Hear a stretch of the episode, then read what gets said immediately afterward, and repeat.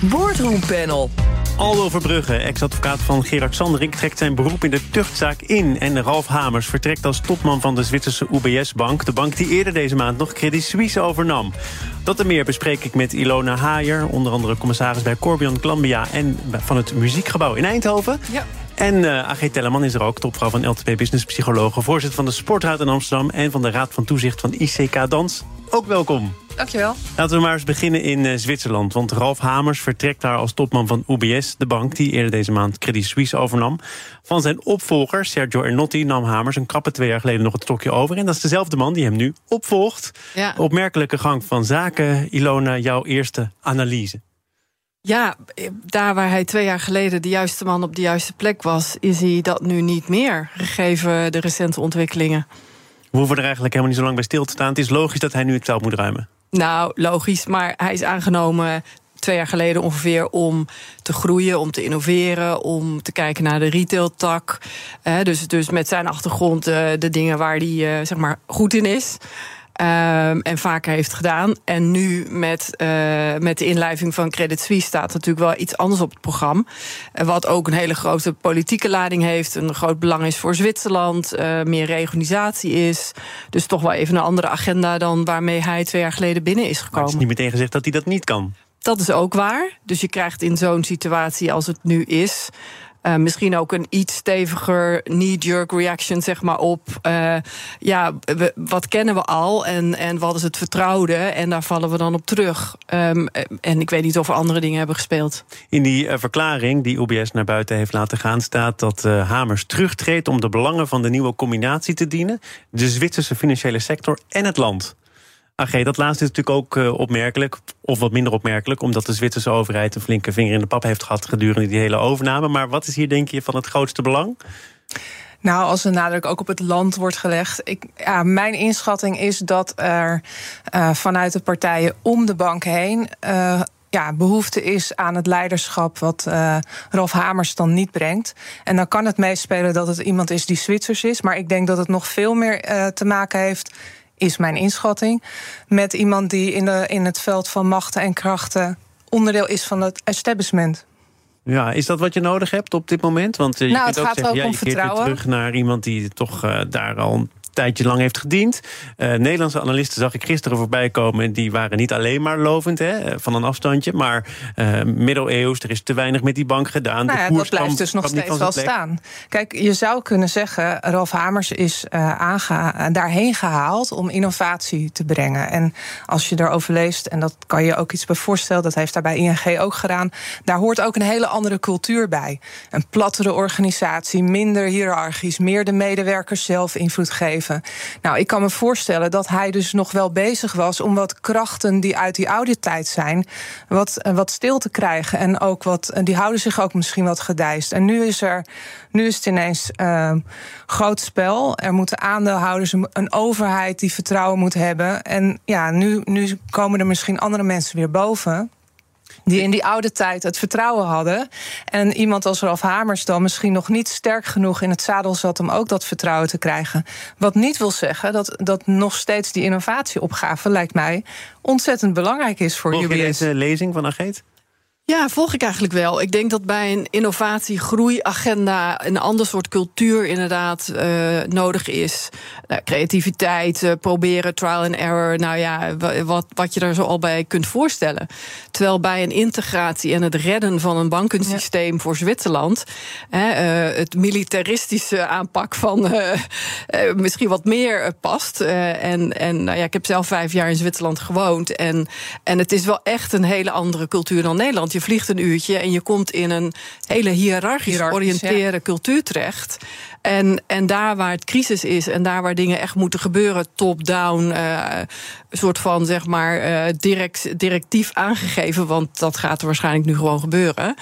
Uh, ja, dan heb je wel een andere stijl. Het nodig. geeft dus ook wel heel duidelijk aan dat er twee jaar geleden bewust voor Hamers is gekozen. Voor zo'n buitenstaander om die cultuur een beetje op te schudden, ja, denk ja. ik dan. En dat zie je ook wel vaker. En ook in Zwitserland zie je best van veel grote bedrijven dat er niet-Zwitsers aan de top staan. Uh, ik heb zelfs een, een, een hoofd sales gehad daar, een Zwitser. En die is een keer bij mij gekomen, vond ik heel frappant. En die zei: Ja, je moet begrijpen van ons als Zwitsers, wij zijn eigenlijk very good soldiers. En ik dacht, hè? Maar ergens zit dat in dat hiërarchische. Dat, dat van ik wil dit en we gaan dat doen. En dan wordt het ook tot in de puntjes uitgevoerd. Over, over die soldaten gesproken. Hamers wordt ondanks volgens mij best aardige resultaten. Als je het cijfermatig bekijkt. dan toch nog weggezet als een huurling. Heeft blijkbaar nooit echt de harten kunnen veroveren. Hoe breek je daar dan door? Nou ja, maar dat zijn misschien ook de geluiden die de afgelopen jaren. toen hij wel uh, aan de leiding had. even zich wat meer gedijs moesten houden. Omdat zij wat meer uit die oude cultuur zijn. Dus je weet niet wie voeren nu ineens de boven in de media. Kijk, ik denk wel even los van uh, deze specifieke kaas, is het best heel goed dat als je in een andere fase komt als bedrijf, dat je ook nadenkt over wat is dan het passende leiderschap. Ik denk dat het best heel veel vaker uh, die vraag gesteld mag worden. hey, we hebben een andere opgave, past dan niet ook ander leiderschap? En zou je daar ook eerlijk naar jezelf moeten kijken? Is dit ook een opgave die dan bij mij past? Want ik ben op een andere opgave uh, aangenomen. Namelijk, er is heel veel aan de hand binnen die bank. Er moet van alles worden geïntegreerd. Er moeten risico's worden afgedekt. Er moet even worden gekeken hoe die bank gezamenlijk verder gaat. Dan ga je ook nog eens de top veranderen. Nou, ik denk dat zojuist. Ik lees het als een. En dat, dat, hè, dat lees je ook terug uit andere quotes. Dat het vooral een, een risicomijdende uh, ingreep is. Dat Ralf Hamers toch risicovoller wordt gevoeld. En ik kan me voorstellen dat deze oude, uh, de persoon die nu teruggehaald wordt, en Morty, dat hij ook bij de stakeholders, dus bijvoorbeeld de overheid, die nu een grote vinger in de pap krijgt, die zekerheid wil, daar moet veel mee gedeeld worden. Uh, hè, dat weten we gewoon. Die, die gaat nu veel meer op de achtergrond meekijken of, of dat belastinggeld wel goed uh, en zij zijn garant, dus zij willen natuurlijk voorkomen dat ze daar alle gaten moeten gaan dichten. Ze willen vertrouwen hebben in de topman. En kennelijk is Hamers dan niet degene waar ze vertrouwen in hebben. En iemand die dan heel lang op die plek heeft gezeten, die komt uit dat netwerk en heeft wel dat vertrouwen.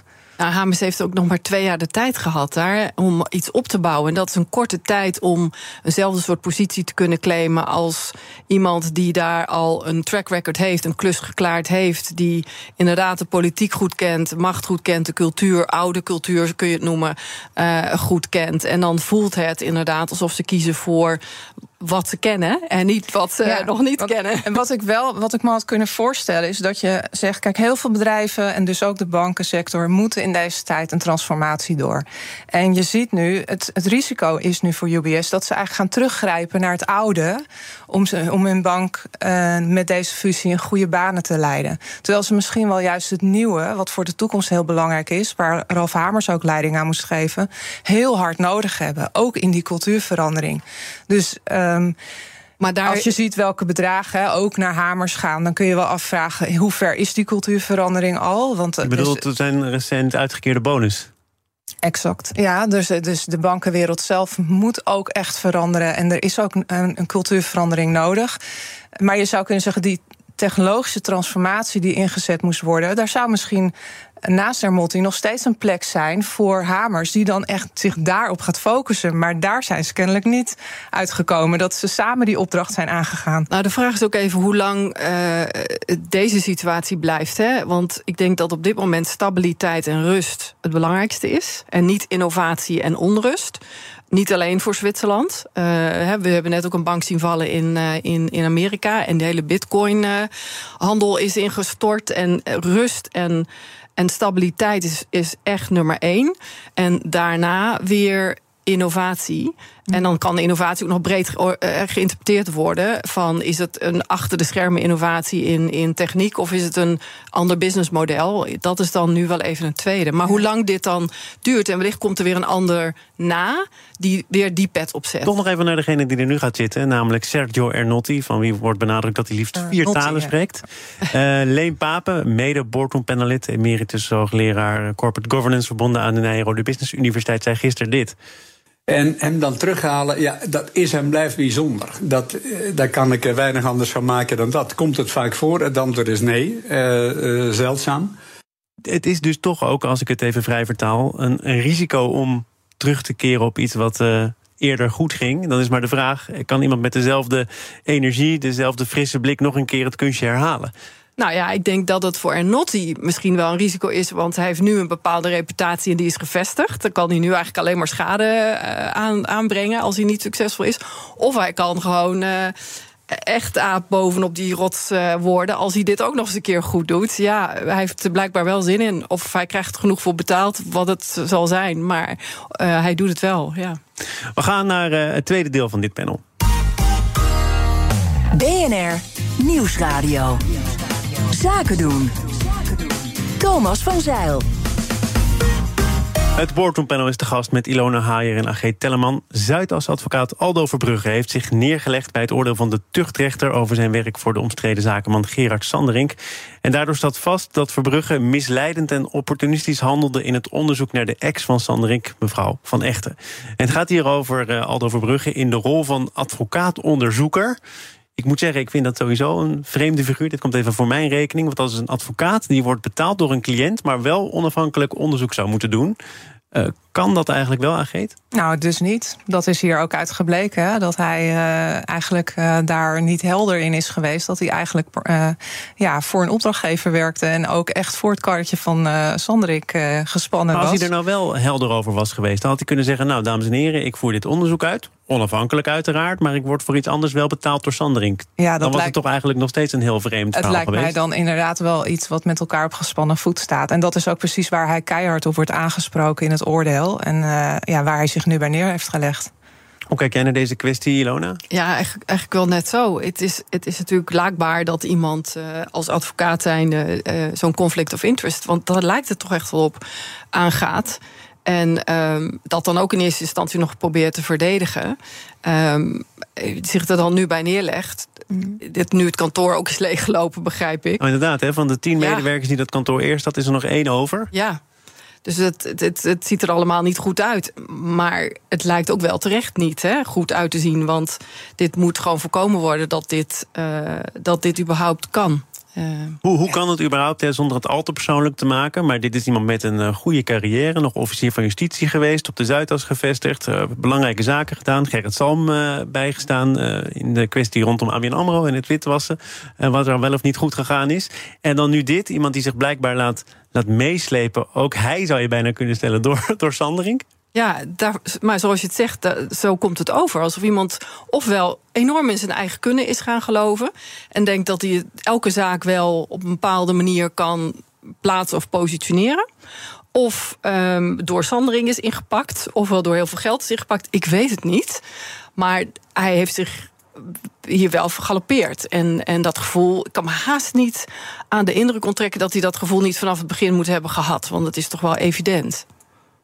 Ja, ik, ik, ik vind het zelf ook onbegrijpelijk hoe dit zo lang en zo ver heeft kunnen gaan, uh, uh, doorgaan. Maar je kunt, ik vind het echt wel een hele terechte vraag: wat zou je daar nou aan kunnen doen? En ergens zie je dat hij um, ontzettend zijn populariteit heeft opgebouwd in de tijd dat het hem heel goed ging.